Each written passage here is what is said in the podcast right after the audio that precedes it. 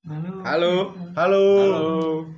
Eh, selamat datang di podcast Sikat Sekat. Selamat pagi, selamat sore, selamat siang, selamat malam buat teman-teman yang mendengarkan podcast ini. Pada episode keempat kali ini kita masih di kolektif ruang lingkup. Kita kedatangan tamu Tambahan anggota baru. tambahan oh, oh, yang akan memberikan pendapat mungkin yang akan kita ajak untuk ngobrol-ngobrol kita ajak buat diskusi. Ada postrat pria. We yang biasanya disebut sebagai aktivis buruh juragan beras soda kolektor beras. Wah melebu loh des. Oke. Yang lain-lain mungkin udah di beberapa podcast kita udah kenalan biar enggak Singkat waktu. Mm, memper- mempersingkat waktu karena bahasanya mungkin bakal panjang ya untuk ke episode keempat ini. Ini kan eh, selain corona ada satu isu yang patut buat kita bahas eh, di hari-hari ini di beberapa bulan terakhir ini yaitu omnibus law. Akhirnya? Akhirnya gitu. Kita membahas itu Eh, juga. eh, setelah sekian lama kita tidak jadi bahas omnibus law karena podcast neng tengah jalan kakean gojekan. Tapi ya enggak apa-apa karena sak-sake kita. Hari ini akhirnya kita juga akhirnya kita membahas jadi membahas omnibus law. Eh terus kan ini omnibus law ini kan sampai hari ini masih kalah walaupun sa- sama bahayanya ya kalau kita katakan. Masih kalah sama eh, tensi dari isu corona covid-19 eh kan kalau kata pemerintah kata DPR gitu kan omnibus law ini sebagai salah satu jalan keluar gitu kan. Sebagai salah satu solusi dari masalah apa sih Lapangan pekerjaan. lapangan pekerjaan. Lebih bener gak sih eh, sebetulnya yang dikatakan pemerintah kalau omnibus law itu benar-benar menyelesaikan eh, permasalahan pekerjaan itu atau enggak sih sebetulnya? Itu pertanyaannya bener gak sih sebetulnya? Eh, benar, Omnibus benar. bener. Pertanyaan udah benar. Pertanyaannya bener. Oh. Iya, maksudnya jawabannya dari kawan-kawan gitu. Omnibus law ini sebagai salah satu kalau emang bener yang bagian mana solusinya, kalau yang salah yang mana yang bukan solusi gitu. Apa semuanya bukan solusi atau ini emang solusi gitu. Gue sih.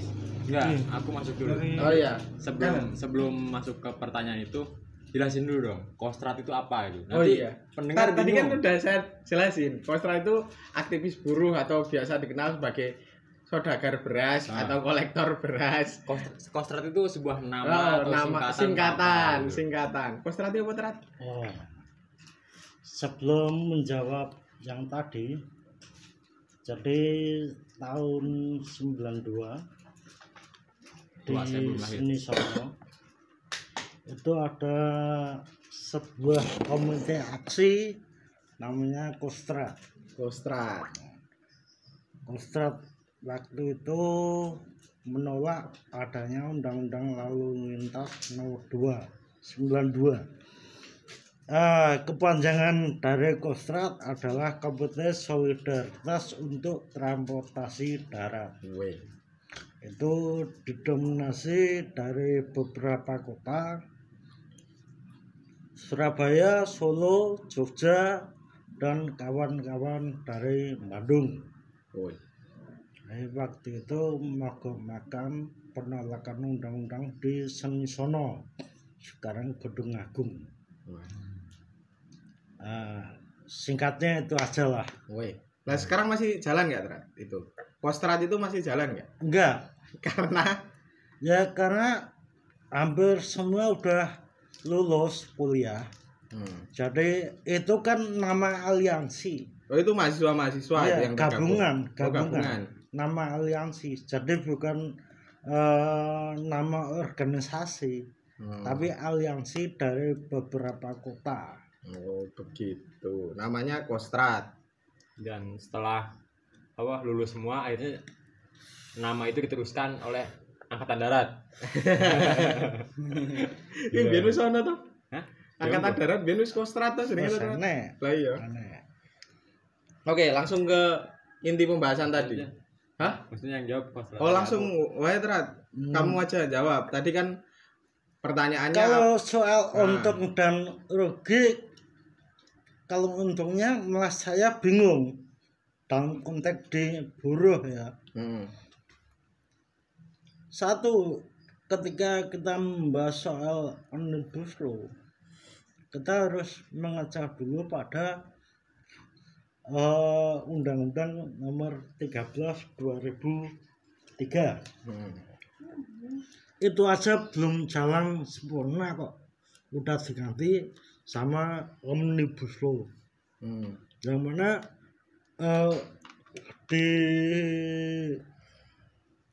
omnibus law banyak aturan-aturan di pas eh, di undang-undang 13 itu justru dihapus. Tingkat kesejahteraan buruh di mana? Untung untungnya di mana? Sekarang cuti haid dihilangkan Ah. upah dipangkas untung buruh di mana? Nggak ada untungnya. nggak ada. Artinya ini sebuah kerugian besar atau pukulan telak buat kaum buruh ketika eh, omnibus law ini lolos Itu efeknya cuma ke kawan-kawan buruh atau bakal ke yang lain-lain sektor-sektor lain juga sih kalau omnibus law itu? kalau sektor lain kan ada itu ada beberapa klaster Iya, ada empat. nah, Nah, lingkungan juga berdampak pasti. untungnya di mana ketika eh, banyak eh, pabrik-pabrik tanpa amdal. Keuntungan buat masyarakat buat lingkungan apa? Hmm. justru itu akan merusak. Sekarang tingkat polusi udara udah sangat tinggi Ketika pohon-pohon tebangi pencemaran belum lagi di sektor pertanian yang mana udah pakai pestisida zat kimia ditambah lagi kalau aturan omnibus law ini Disahkan. disahkan banyak pabrik banyak eh, tambang-tambang yang tanpa amdal Hmm. Istilahnya lo dipergampang kan ya dengan adanya omnibus law ini untuk wong Iya, dipermudah karena eh, pemerintah kan ingin menarik investor Iya. tanpa melihat dampak bagi rakyat. Hmm. Berarti Bagi berpengaruh. itu. Faktor penentunya seharusnya sistem pendidikannya. Sistem pendidikan sama. Hmm. Ketika enggak diolah ya sama aja. Gimana sekarang student Hmm. banyak yang tumpul kecuali yang ikut organisasi organisasi organisasi. Enggak, aku bukan tumpul sih terdidik tapi tidak kompeten. sebentar. Belum selesai bro. Student itu tumpul kecuali yang dengerin podcast ini Sepakat mah aku. kan belum selesai Belum selesai. Oke, lanjut. lanjut. jadi student banyak yang tumpul kecuali Yang tidak Dengerin podcast ikut organisasi-organisasi maju bacaan-bacaan yang mumpuni Dan podcast yang baik. mungkin salah satunya kan begitu Nah, sekarang banyak organisasi tanpa ada bacaan yang meluas ya akhirnya. sama aja Hmm. Tumpul-tumpul juga. ya tumpul juga akhirnya banyak sekarang student lulus jadi tenaga ahli jadi PNS tanpa melihat basic Ini kan badi lah. badi di mana Badi itu kan dewe itu secara individu Oke. tapi apakah mereka melihat orang tuanya atau saudaranya yang ingin jadi petani Hmm.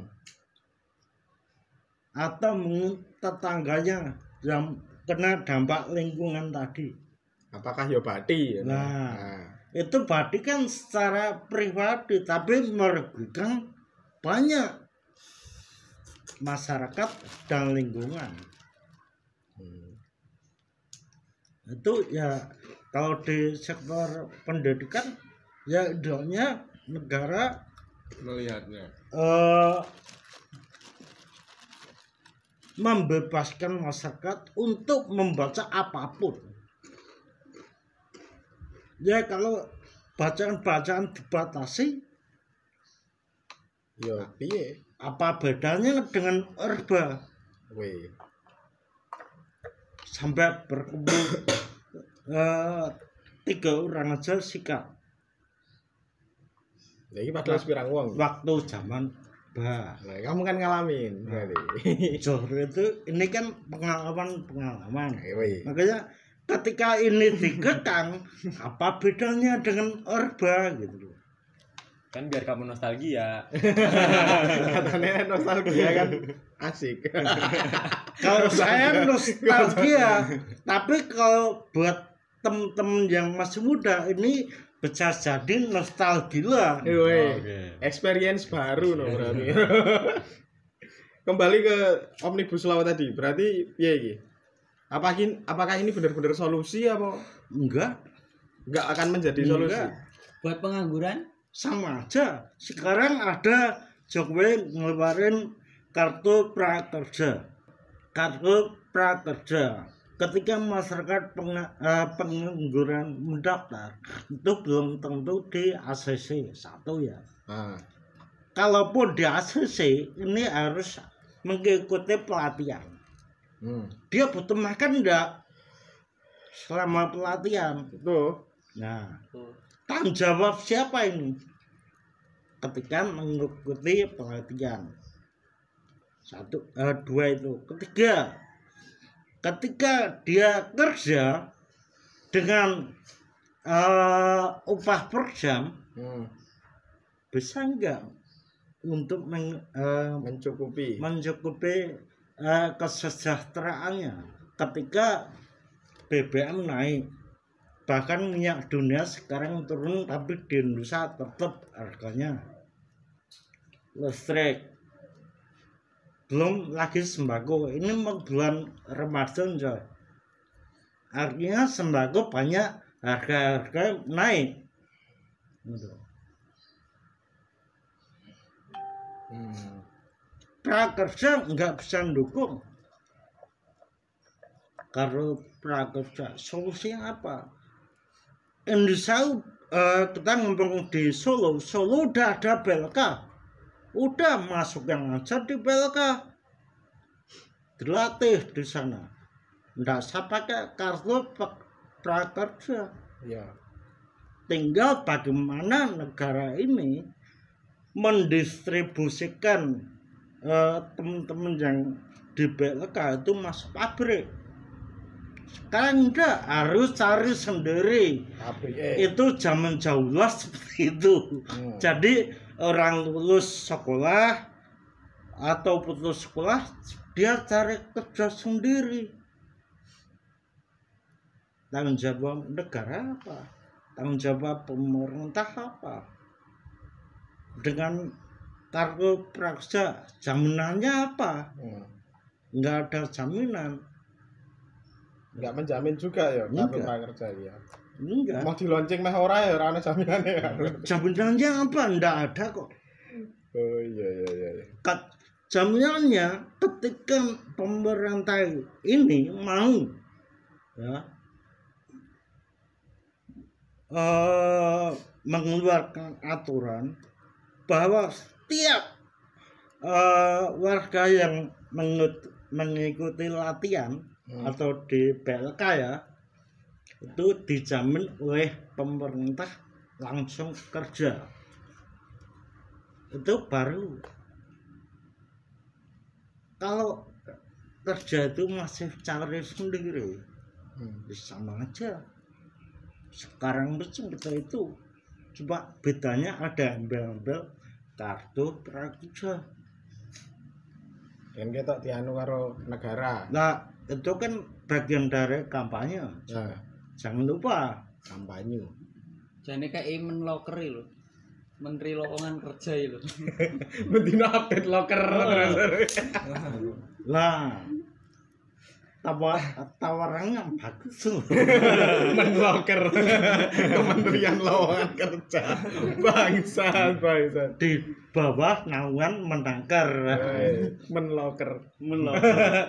nah ya jadi di situ kembali ke kok omnibus lo nggak ada sama sama sekali Tidak ada jaminan sama sekali. Masih ada tambahan lagi, Trak? Apa kita lanjut nanti lagi ke teman-teman yang lain dulu? Nah. Tadi kan Kostrat sepakat bahwa Omnibus Law ini bukanlah nggak sepakat maksudnya sepakat nih iki udah solusi lho trak kuwi lho ada lele kan bahasanya omnibus law ini bukan merupakan satu solusi untuk masalah eh, pekerjaan itu masalah lapangan pekerjaan yang ada di Indonesia kalau menurutmu piye Is? Aku mah pertama eh, logika yang dipakai oleh negara ya dalam hal ini eh, mereka seolah bukan seolah memang menganggap bahwa eh, kurangnya investasi di Indonesia itu adalah penyebab investor yang masuk ke Indonesia itu adalah penyebab kelangkaan lapangan pekerjaan sehingga dibutuhkan untuk melonggarkan regulasi ini gitu loh yang bisa menunjang atau bisa memfasilitasi investasi masuk supaya membuka lapangan pekerjaan. Jadi logika yang dipakai adalah investasi, terus lapangan pekerjaan, kesejahteraan. Nah, Jadi dari investasi, investasi merupakan faktor penentu bagi mereka. Padahal penentu kesejahteraan Ah. gitu. Padahal yang kalau kita lihat data ya, kalau seandainya masyarakat Indonesia lihat data, eh, kita kasih contoh data 2010 sampai 2016 lah kalau tidak salah itu. 2010 itu investasi meningkat. Investasi itu 300%. Ujungnya tetap turun. Lapangan pekerjaan tuh pengangguran makin meningkat. Eh, pengangguran makin meningkat. Nah, sebenarnya ini eh, masalah ini kan udah pernah ketika kita membahas tentang eh, masalah RUU ketenagakerjaan dulu di UNS dulu. Itu sudah aku sampaikan ketika waktu itu memantik diskusi di sana bahwa sebenarnya permasalahan di kita itu adalah apa gitu loh a- akses apa eh, sumber daya gitu loh. Artinya manusia eh, tentang kapasitas apa? Kapasitas Kok ya kapasitasnya gitu loh. Jadi eh, kebanyakan sebenarnya yang menjadi faktor eh, pengangguran itu pendidikan. Memang di Indonesia banyak banyak orang udah kuliah, tapi bagiku mah terdidik tapi tidak kompeten. Atau kalau kita kasih aku kasih contoh yang terdidik tapi tidak kompeten, coba lihat yang milenial milenial itu yang sekarang duduk, yang kemarin baru dilantik itu, Hmm. yang yang dampingin presiden. Iya. Apa mereka kompeten? Kayak sama apa kayak kan? Jadi kan bahkan sampai ada meme di Twitter, apabila kalian merasa hidup kalian ter terpuruk, ingat masih ada tujuh staf khusus ini yang ini gitu. loh. Apakah mereka kompeten? Tidak. Tidak sebenarnya. Jadi sebenarnya yang paling masalah itu eh, itu loh pendidikan. Karena pendidikan di Indonesia itu hanya mengajarkan how to work, bagaimana cara kita bekerja, bukan how to think. Sehingga oke oke lah dia kuliah, tapi dia memang terdidik, tapi dia tidak kompeten. Sehingga jangan heran ketika banyak orang bilang masuk pertanian kok tapi tidak mau bertani. Hmm. Karena memang pendidikannya tidak diarahkan ke situ gitu loh, ke sosial lingkungan. Tidak diarahkan ke sana. Kalau ingat kasus Ken- Kendeng misalnya, yang Mas Prin itu, Ya. banyak yang bilang tanah itu tandus tidak produktif sehingga harus diberikan ke investor untuk penambangan pembangunan pabrik semen. Nah, Pada kenyataannya Mas Prin kemarin berhasil membuktikan ketika dia menanam menanam cabai, woi bagus banget cabenya, bagus banget. Nah ini yang jadi, permasalahan gitu loh, jadi jadi permasalahan di eh, kenapa aku nggak sepakat sama sekali. Logika bahwa investasi itu menentukan eh, atau akan mengurangi jumlah pengangguran itu logika yang pertama logika yang dipakai itu logika paling ngawur sesat Harusnya pendidikan yang diperbaiki. iya seharusnya eh, Sistem iya pendidikannya. sistem pendidikannya yang, yang lebih di, di apa gitu karena pada kenyataannya sampai sekarang pun ketika RU eh, RU ini RU ini disahkan Nah, lalu kemudian eh, memang ini dijalankan dengan sistem pendidikan yang seperti ini 1000% manusia akan disingkirkan oleh eh, mesin hmm. karena logika yang dipakai itu investasi eh, lapangan pekerjaan Kesejahteraan. padahal kita tahu namanya investasi masuk tidak eh, tidak apa tidak mungkin mereka bukan untuk menciptakan profit Hmm. maka aku bilang bahwa ini bukan cipta kerja ya cipta profit Cipta keuntungan. ah karena dengan dengan regulasi yang makin dilonggarkan reg- regulasi yang makin dilonggarkan maka akses investor terhadap sumber daya alam itu barbar Dan lebih seenaknya Nah, gitu ya. lebih seenaknya mereka karena berbagai macam regulasi dipotong dipak bukan dipotong dipangkas gitu loh dihilangkan nah ini yang jadi eh, bagiku logika yang dipakai alah eh, sesat gitu loh harusnya tingkatkan akses sumber daya Nah, baru itu kesejahteraan akan mengikutinya. Tapi ketika investasi lalu lapangan pekerjaan, kesejahteraan, nah itu logika sesat. Logika sesat karena pada kenyataannya bukan itu problem penyebab pengangguran di Indonesia makin meningkat. Jadi ya aku ya secara pribadi sama sekali tidak pernah sepakat dengan logika yang dipakai dalam RUU ketenagakerjaan ini sama sekali tidak sepakat bahwa investasi yang akan menentukan Indonesia uh, lebih sejahtera. lebih sejahtera masyarakatnya lebih sejahtera lapangan pekerjaan lebih terbuka karena bukan itu penentunya bukanlah uh, investasi seharusnya sumber dayanya dulu yang ditingkatkan Nah, sistem pendidikannya diperbaiki. Jangan hanya karena kalau kita lihat, kalau kita lihat sekarang sistem pendidikan itu makin tinggi pendidikan, makin sedikit pilihan, iya. kan? Makin tinggi pedi- pendidikan, makin sedikit pilihan. Yang terus di, di, di kampus misalnya, aku sebagai mahasiswa juga di kampus misalnya, yang diajarkan ke kita itu bagaimana caranya kita jadi tenaga kerja. Jadi faktor produksi kan otomatis tenaga kerja. Nah, how to how to work yang diajarkan terus menerus. Pokoknya maka jangan heran karena ini kenapa sampai banyak sekali buzzer RP tiba-tiba dikerahkan dan masih terjadi di perdebatan di, di, di publik ya perdebatan di masyarakat karena oh, ada yang pro ada yang tidak karena memang itu logika juga sudah bertahan udah lama gitu loh ada di masyarakat Hmm. logika misalnya anaknya Dan diamini gitu nah, kan. Anaknya begitu dikuliahkan pokoknya bagaimana caranya setelah kuliah dia harus kerja Hmm. Orientasinya orientasinya kerja doang. Ketika anaknya tidak udah kuliah tinggi-tinggi dan ternyata anaknya menghadapi sendiri, oh ternyata anjing. anjir ini lapangan pekerjaan begini gitu loh. Sehingga ketika dia tidak mampu mengakses lapangan pekerjaan, dia tidak bisa tidak bisa mengembangkan dirinya, tidak bisa berinovasi gitu. Karena yang diajarkan how to work doang. Dia hanya menjadi tenaga kerja, hanya menjadi faktor produksi. Bukan how to think. Nah, itu yang jadi yang jadi yang jadi masalah. Makanya eh, ini sengaja aku sampaikan ini karena eh, aku aslinya pengennya orang yang mendengarkan ini podcast ini terutama kawan-kawan masih itu paham gitu loh. Hmm. Kenapa tanggung jawab untuk menolak eh, RU tenaga apa RU RU omnibus apa omnibus Omnibus law cilaka ini itu bukan hanya ada di serikat buruh atau di gerakan buruh tapi juga di mahasiswa Karena kita juga calon buruh. Iya, kita ini adalah tentara ten- calon calon tentara tentara produksi gitu, tentara tentara pabrik. Orang-orang yang akan disiapkan, ya pada akhirnya pekerjaan. Nah, dengan dilonggarkan RU kata apa? eh, dengan disahkan omnibus law ini, yang seperti Kostrat bilang tadi, pengusaha akan semakin semena-mena gitu loh, Hmm. akan semakin gampang. Begitu kamu, oh lah, ini mereka mau mogok ya, mereka mau mogok mau protes apa? Sudah aku masih punya cadangan banyak di belakang. Contoh terbaru dan ini sudah terlaksana adalah yang terjadi di buruh ais. Iya. ketika buruh ais melakukan mogok manajemen buka lowongan buka lowongan.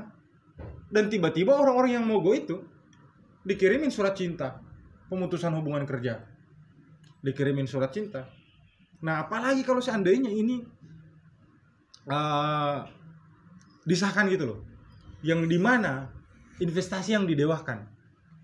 Karena eh, RU ini memakai logika investasi adalah faktor faktor utama dalam membuka lapangan pekerjaan. Nah ini eh, kawan-kawan mahasiswa oke lah ya aku bisa mau bilang ya kayak ternak sih mereka Hmm. soalnya mikirnya mikir diri sendiri gitu loh terus habis itu keluar-keluar kok Indonesia nggak maju-maju eh bagaimana bagaimana Indonesia mau maju bagaimana bagaimana rakyat Indonesia akan sejahtera kalau kamu mengedep kalian mengedepankan kepentingan kalian sendiri baru kepentingan bersama Hmm. seharusnya yang dikedepankan adalah kepentingan bersama nah kalau dikedepankan kepentingan bersama karena ini kepentingan bersama kepentingan pribadi kita akan Ngikut. ngikut gitu loh. Nah cuma yang dipakai orang Indonesia aku sejahtera dulu. Misalnya dalam aksi ya, ini logika yang sering aku dengar dalam kawan-kawan gerakan, ge- kawan-kawan gerakan yang selalu mengaku revolusioner di BEM. Nah anak-anak, aku sebel ini karena ini logika ini ber- beberapa kali aku dengar. Pertama, yang selalu mereka bilang adalah, gak apa-apa nanti aku kerja dulu, aku yang akan membiayai gerakan kalian. Wih. Matamu. Wih. Sebenarnya kita bisa bangun usaha kolektif gitu loh Iya. untuk membiayai perjuangan kita dan kita atau kita bikin bisa bikin dana juang gitu ngumpulin dana juang untuk men- saling mensupport gerakan kita sudah banyak kok yang mencontohkan itu siapa yang membantu Che Guevara sama Fidel Castro dulu untuk melakukan revolusi atau kawan-kawan di Prancis siapa yang membantu mereka kalau bukan dari solidaritas logika yang dipakai aku sukses dulu nanti aku akan membantu kegiatan-kegiatan kalian Wih. Berkuwi lali. Habis itu ujungnya lupa gitu loh. Karena logika itu yang dipakai. Ya aku sukses dulu dan nanti dia selalu menganggap aku belum sukses anak istriku ah, siapa yang mau kasih makan kan nah akhirnya logika itu ya menurun ke keluarga kamu ngurusin ngurusin itu aja terus kita mau makan apa tapi kalau anak istri di, tidak di, di- disusupi oleh logika logika seperti itu maka tujuan kita untuk sejahtera rame-rame itu akan tercapai gitu loh Iya. akan tercapai. Wah mungkin belum sekarang, mungkin belum sekarang. Ya namanya berjuang, mau Al-Quran saja bilang berusaha-susah dulu, baru senang akan mengikuti indah malu serius itu kan. Nah. Setelah Jamrut kesulitan, juga bilang ah, gitu, iya. Oh, kalau Jamrut malah sesat. Rama juga gitu. Kalau Jamrut mah bukan bilang begitu. Jamrut susah-susah dahulu, senang pun tak datang, malah mati kemudian. Nah, kalau Al-Quran jelas dia bilang. Berarti jamrut nih, Eh. malah jamrut. Eh, itu gitu loh. Kubur nikmat. Karena memang. Jadi tolong buang jauh-jauh logika. Ah, ya sudah toh apa semakin tinggi pendidikan atau jangan eh, apa jangan jangan pakai logika bahwa ketika kita pendidikan kita makin tinggi itu dengan sistem pendidikan yang kacau di Indonesia seperti ini yang hanya mengajarkan untuk jadi tenaga kerja eh, jangan berpikir bahwa kita akan akan dengan mudah mendapat pekerjaan. Oke, kamu akan dapat dapat dengan mudah pekerjaan kecuali kamu yang pertama anak oligarki. Akan dengan mudah pasti itu. Pasti akan dengan mudah atau bapakmu pimpinan perusahaan. Wih. Sedangkan orang di Indonesia yang jelas lebih banyak orang miskin. Terus kamu keluar-keluar. Aku aku secara pribadi sebel banget sama Tirta itu. Dokter Tirta itu. Dia sering keluar-keluar, "Ya iya karena kamu kaya. Kamu influencer." Sebel banget aku lihat dia maki-maki, Ayo cetebenge. sepatunya apa-apa. Oh, karena kamu apa? Punya banyak karyawan yang bisa kamu suruh-suruh. Eh. Gitu loh. Terus kamu bilang kapan lo mau maju kalau lo cuma kerjaannya gini gini gini gini. Anjir, terus kamu udah tahu ada satu yang akan mengancam kehidupan banyak orang Indonesia, malah kamu gak bersuara soal itu. Itu loh, ini yang jadi jadi aduh. Ya namanya logika-logika burjuis begitu lah. Ya, dia seperti itu dan si Tir- si Tirta ini kalau aku ya sangat viral dia. Iya. Cuma ya aku secara pribadi nggak senang dengan kata-katanya. Terserah dia mau maki lagi aku habis ini. Dia kan, ah, dia kan udah tentu dengerin Iya. podcast ini. Dia dulu kan sering memaki-maki. Sering memaki-maki. Ya aku bilang aku nggak sepakat dengan apa yang dia bilang. Iya, aku nggak sepakat dengan apa yang dia bilang. Haters. eh, haters. Karena ini loh, yang ada yang yang darurat. Oke lah corona darurat, ini juga darurat sama-sama darurat. Sama-sama matikan. Ah, sama-sama mematikan.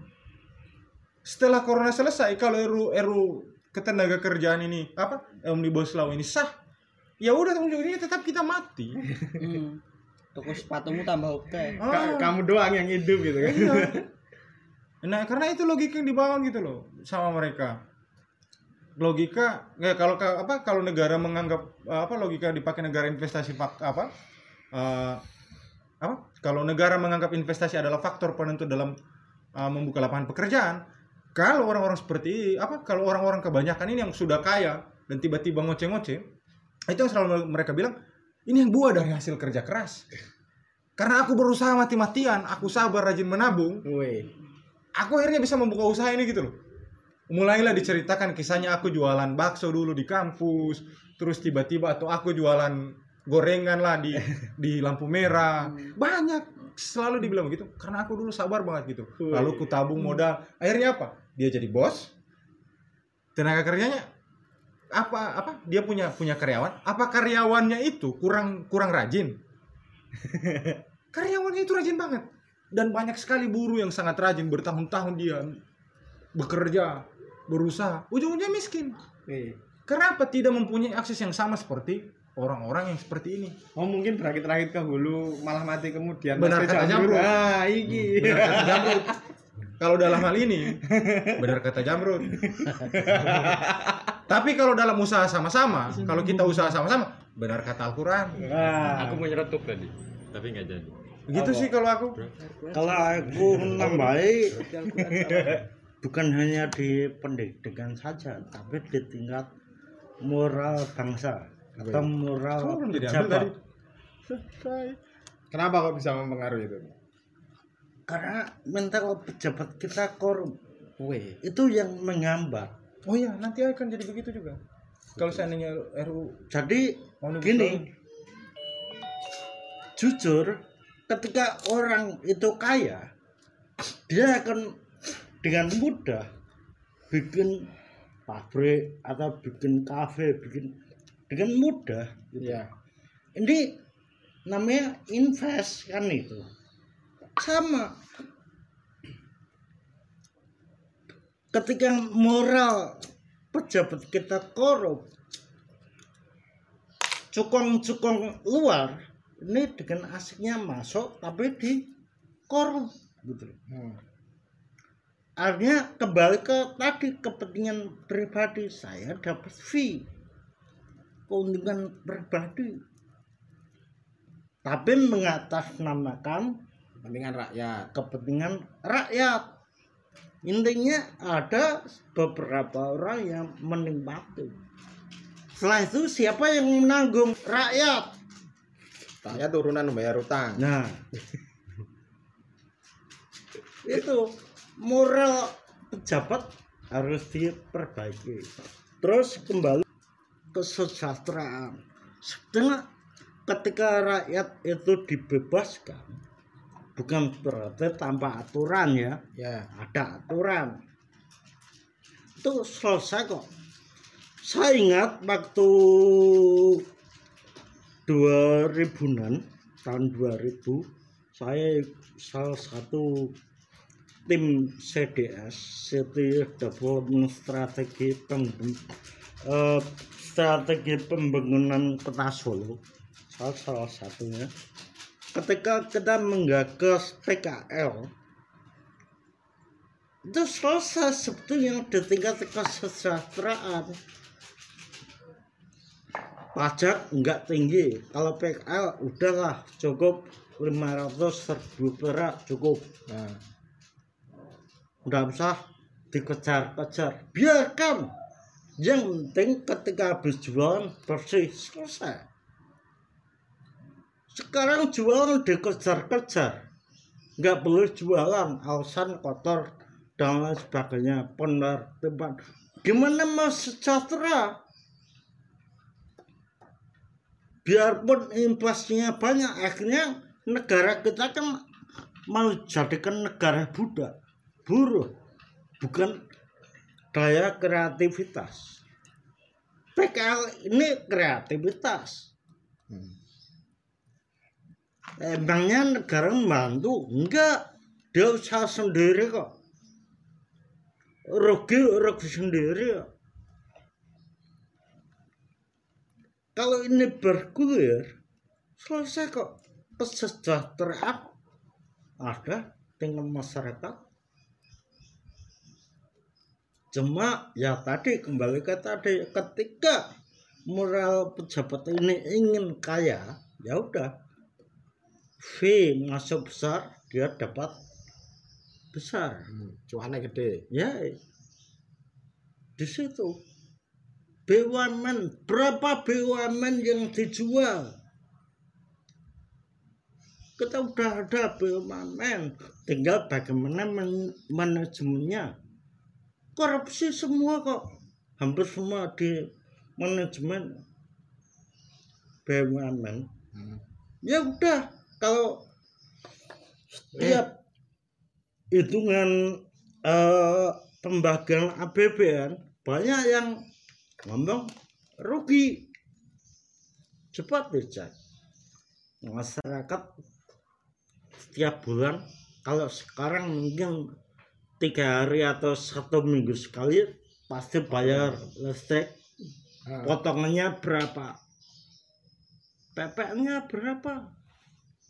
Ini berapa? tinggi. Ketika kita beli token 100 itu hanya masuk berapa ribu? 60 Apa iya? 60-an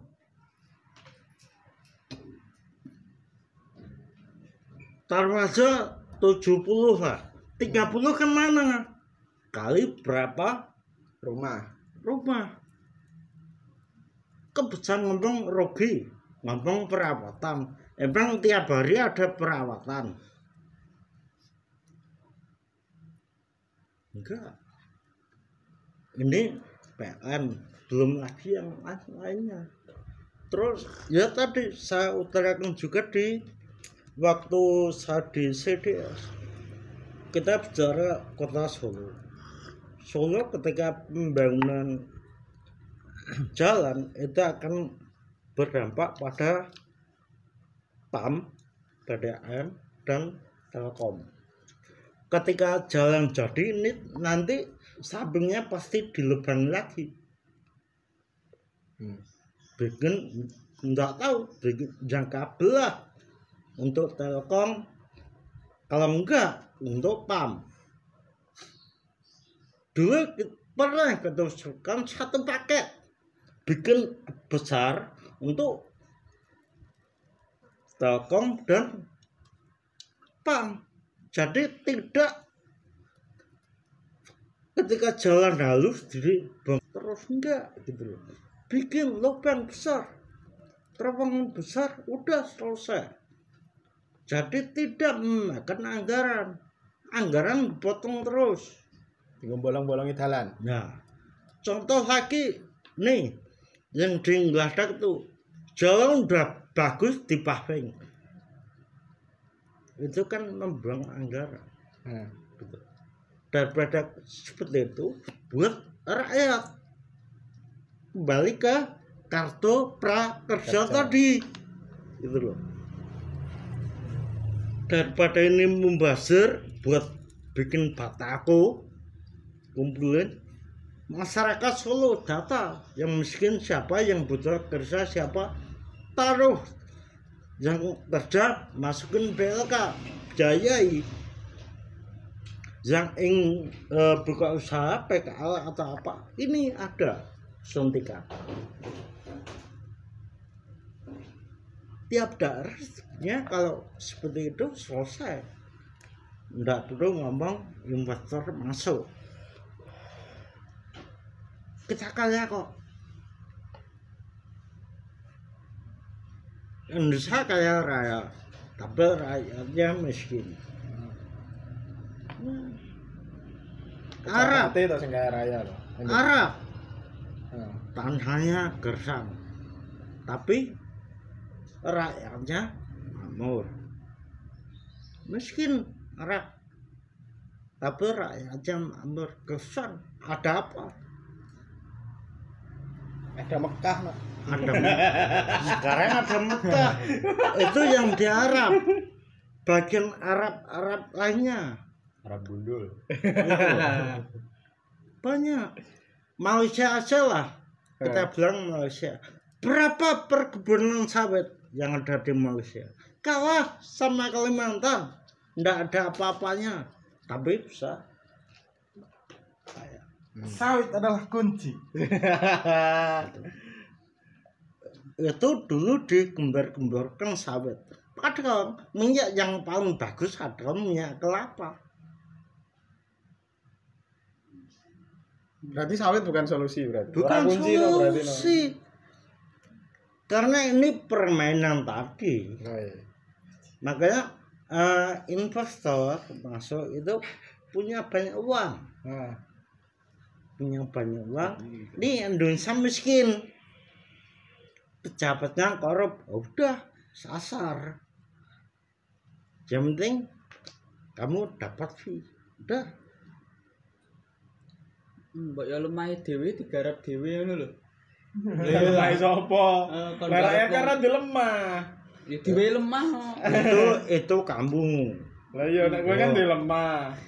yang Lah, di ini kan di kota yang di kota itu berapa sih yang punya? Kan itu makanya solusinya tadi PKL tadi. Yang petani ya petani garap tanah. Cuma negara juga eh siap membantu.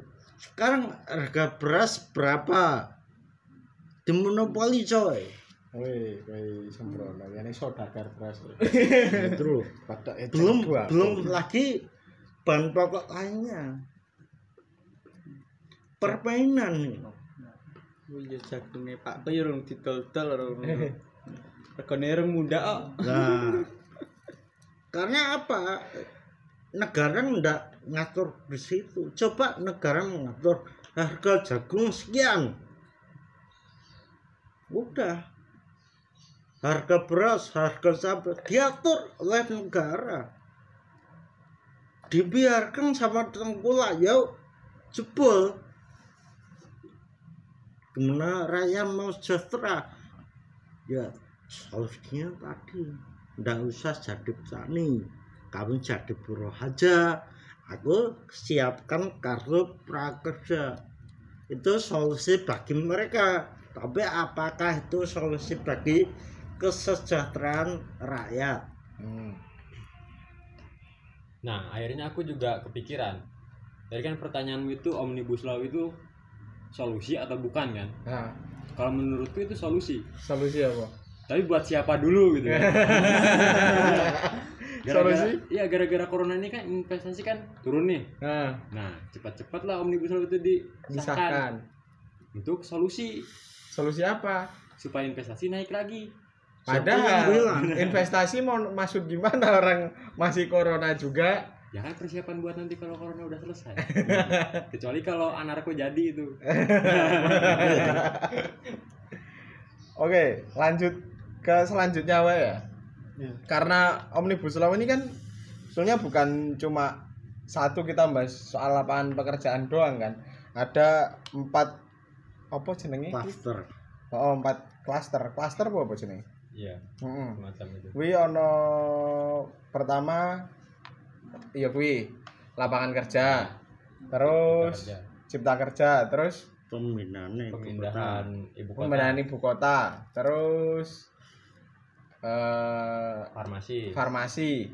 Terus sijine apa? Sijine apa? lingkungan Ling lingkungan. agraria Investasi.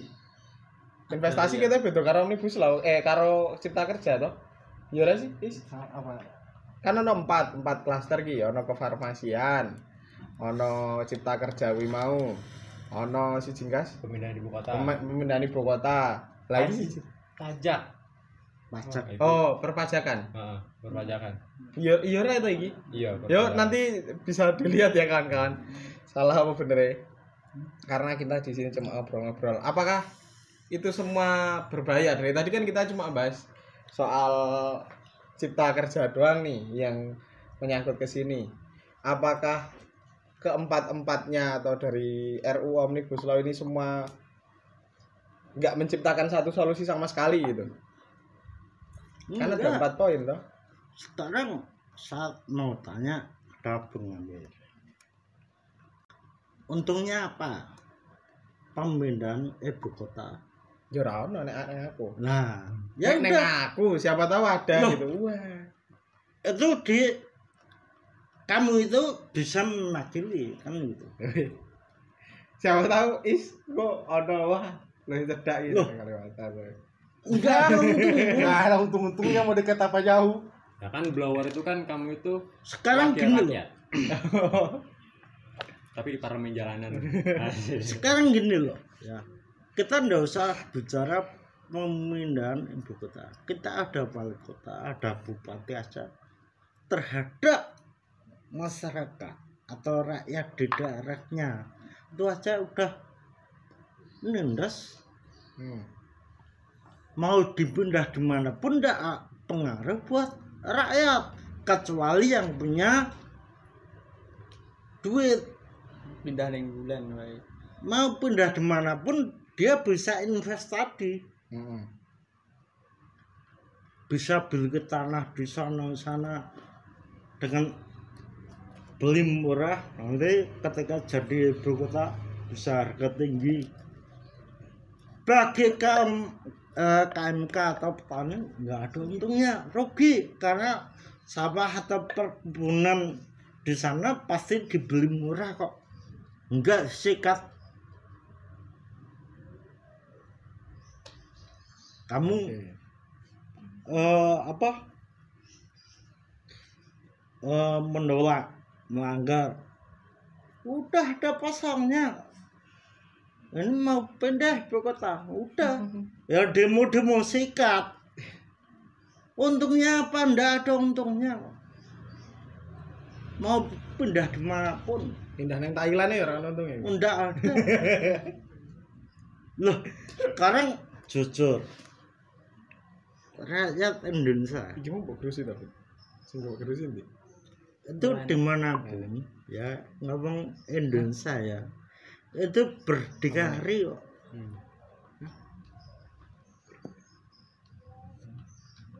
Berdikari. Ora apa-apa, krungu ning podcast ora apa-apa. nyantai wae sing ngrungokne. Gitu loh. Bocah dhewe.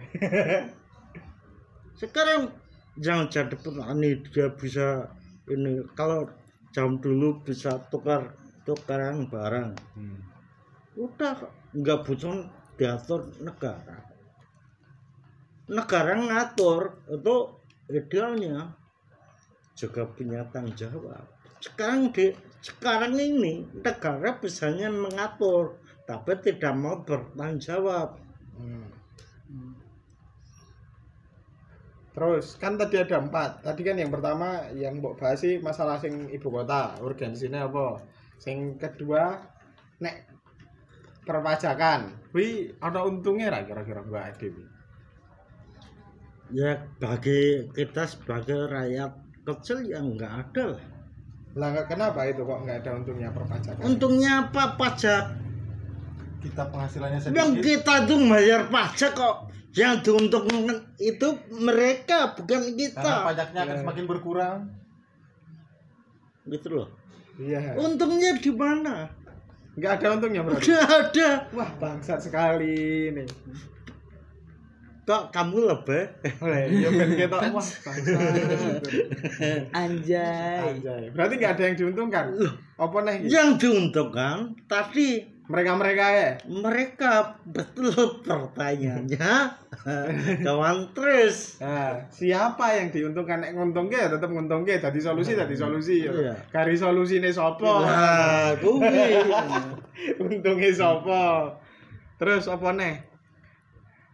kefarmasian Ke farmasian. farmasi Nah, farmasi sebetulnya kalau di Indonesia nggak maju lah saya yakin kok tapi kalau obat Jawa saya percaya eh, Waktu kalau farmasi mah aku belum ngerti ya, belum banyak baca aku soal so- soalnya yang ini belum banyak karena- dibicarakan kan ini yang sama sama lain. sama saja sebetulnya farmasi kecuali Indonesia mau belajar ke Kuba Nah, kamu kan Akan solusi lain. komunis. sekarang mau negara maju bisa bikin obat dan sebagainya dengan fasilitas yang mumpuni atau kita ngomong halal dan haram soal komunis. oh iya Kalau kita bicara halal dan haram soal komunis, ini nggak akan maju. Negara mana?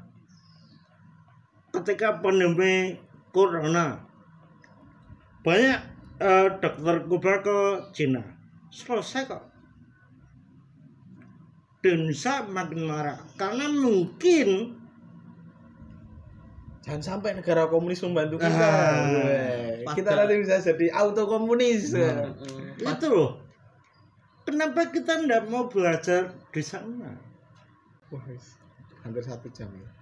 Ketika ngomong farmasi idealnya Indonesia belajar sama Kuba untuk belajar. Oh, supaya obat-obatan juga murah dan eh, mumpuni. Kalau yang terakhir tadi apa? Empat ya mau mau ya? Pajak. Pajak wes. Ibu kota. Ibu kota wes. Lapangan. farmasi wes. Terus? Lapangan. Cipta kerja. Oh iya cipta kerja Kerja wes dibahas banyak. Lah terus kaitannya iki eh berarti aslinya udah so, iya solusi ding ya solusi, Solusi. gue mereka ya. Berarti ini dibahas di tengah masa pandemi ini ya untuk solusi mereka berarti ya bukan Nah, iya. bukan untuk solusi kita. Lah terus sih karena ini bukan merupakan sebuah solusi bukan merupakan sebuah keuntungan bagi rakyat ya harus ditolak. Lah harus ditolak. Karena Apa yang harus dilakukan oleh rakyat? Hmm. apa ini yang harus dilakukan oleh rakyat di saat pandemi? Oke kampanye sosial media. Apakah itu bakal seefektif kalau kita turun langsung meng apa ya turun langsung ke jalan gitu loh untuk eh, menolak itu gitu loh. Apakah sebetulnya eh, saya pernah ngomong ke teman-teman nah. Ya, soal kampanye. Itu bisa ya, satu medsos. Apa pun medianya medsos ya. Hmm. dua kawan-kawan yang sepakat menolak eh, omnibus ini harus bikin selebaran dan dibagi ke tiap kampung.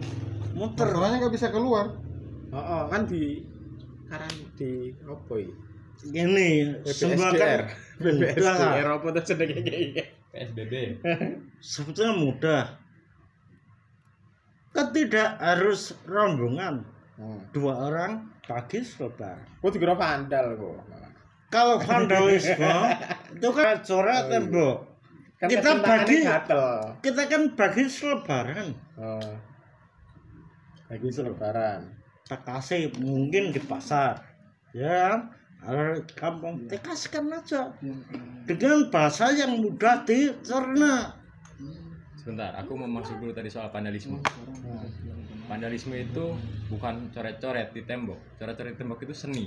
Oh. Vandalisme itu contohnya kayak di Freeport ah tumpang pitu ah kendeng. Nah. Nah itu. Karena PT merusak. Gitu. nah. Nah iya. Itu merusak ciptaan Tuhan. Nah.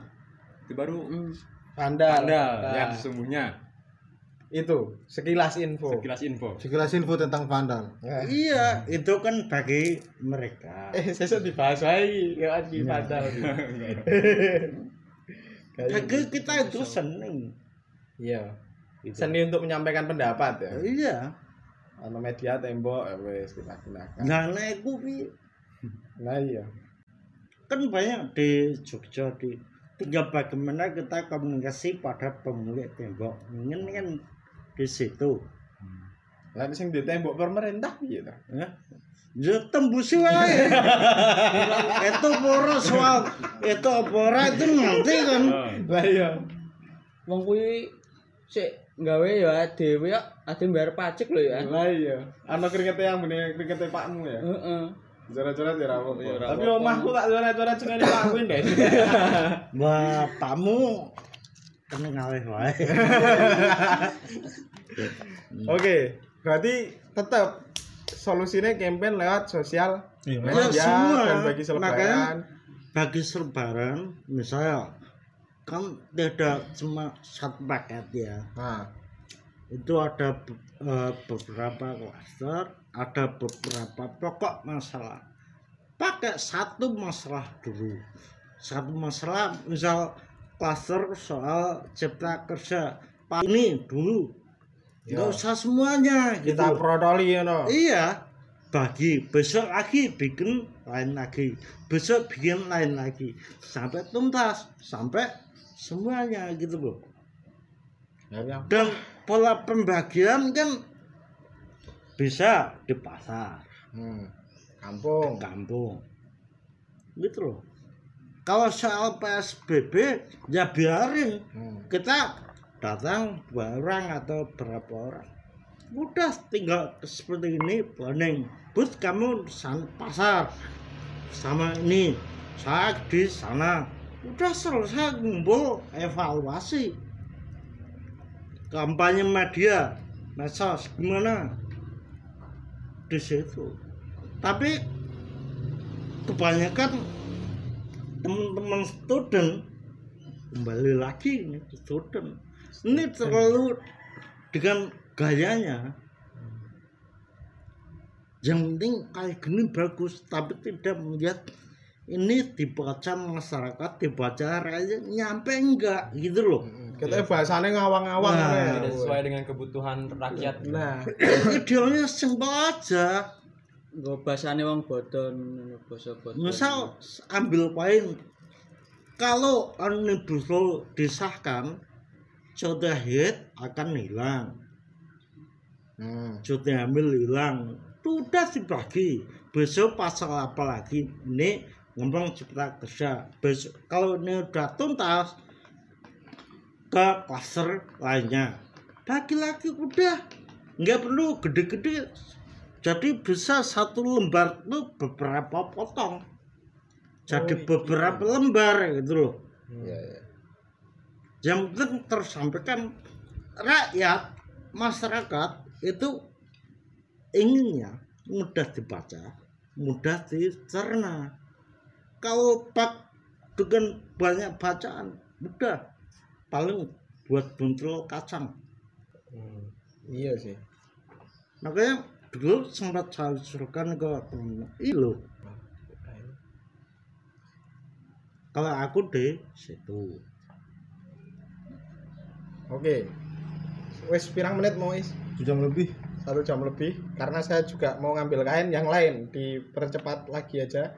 Ada nggak sih solusi lain di saat pandemi kayak gini gitu?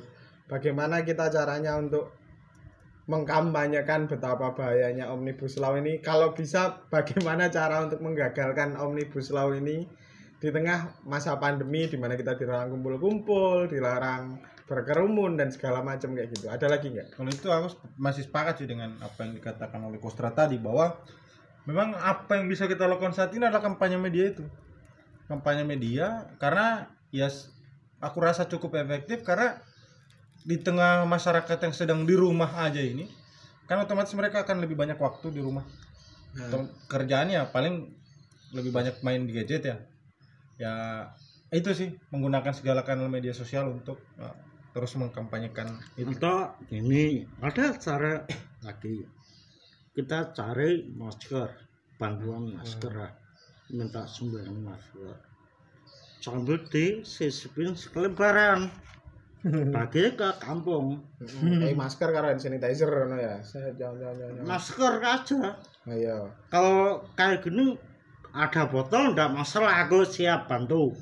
Gitu loh. Yang penting ada botol. Di plastiki wae no? Ya enggak apa-apa. Hmm, cuma lucu lah kalau plastik. Dia paling praktis adalah bikin masker. Mudah di bawah sambil kasih lebaran. Tadi hmm, oke ke kampung-kampung. Kalau ditanya saya mau bagi masker.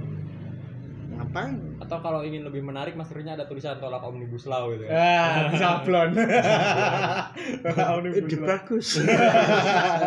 Tapi yang dari gue tolong omnibus law kabeh iki ya ide bisa buat percontohan Eh, saya lihat belum ada yang bikin kayak gitu tapi ada tapi bukan tolak omnibus law Iya, Bupati Ya. Klaten. Ya, oh, gambarnya Bupati Klaten kampret.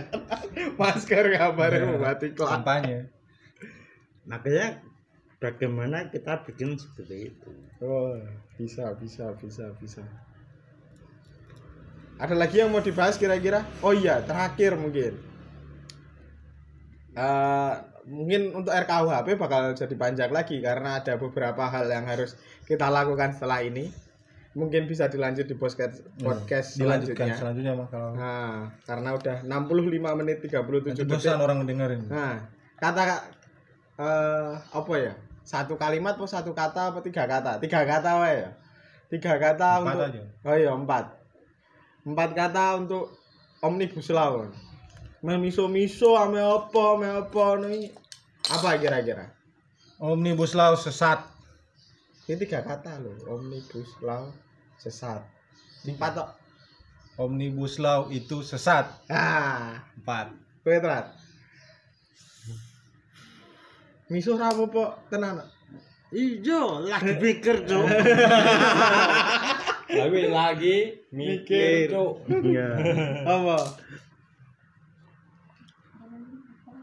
cuk Iya. Apa?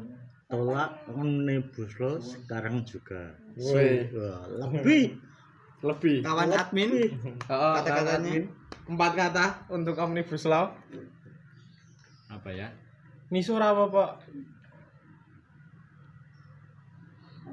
corona adalah virus kapitalisme is pandemik nah, Corona adalah adalah virus omnibus law adalah pandemi ini digabung ora ono kanggo spasi.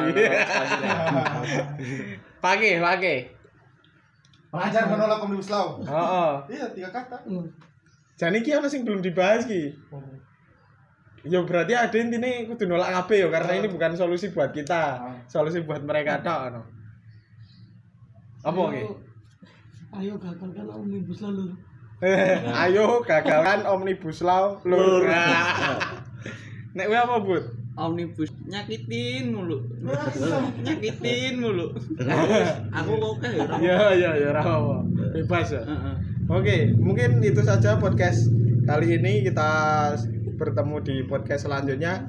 Oh ya, buletin sudah siap cetak dan bakal kita terbitin. Mungkin podcast ini pas ter, pas keluar, buletin sudah keluar. Iya, yang mau minta buletin follow Instagram. Nah, follow Instagram bisa DM nanti yang mau dalam bentuk fisik bisa cuma ganti biaya produksi mungkin 5000 udah dapat stiker Eh, yang mau ngeprint sendiri monggo ada PDF-nya nanti. Terima kasih. Sampai jumpa di podcast selanjutnya. Salam olahraga. Salam.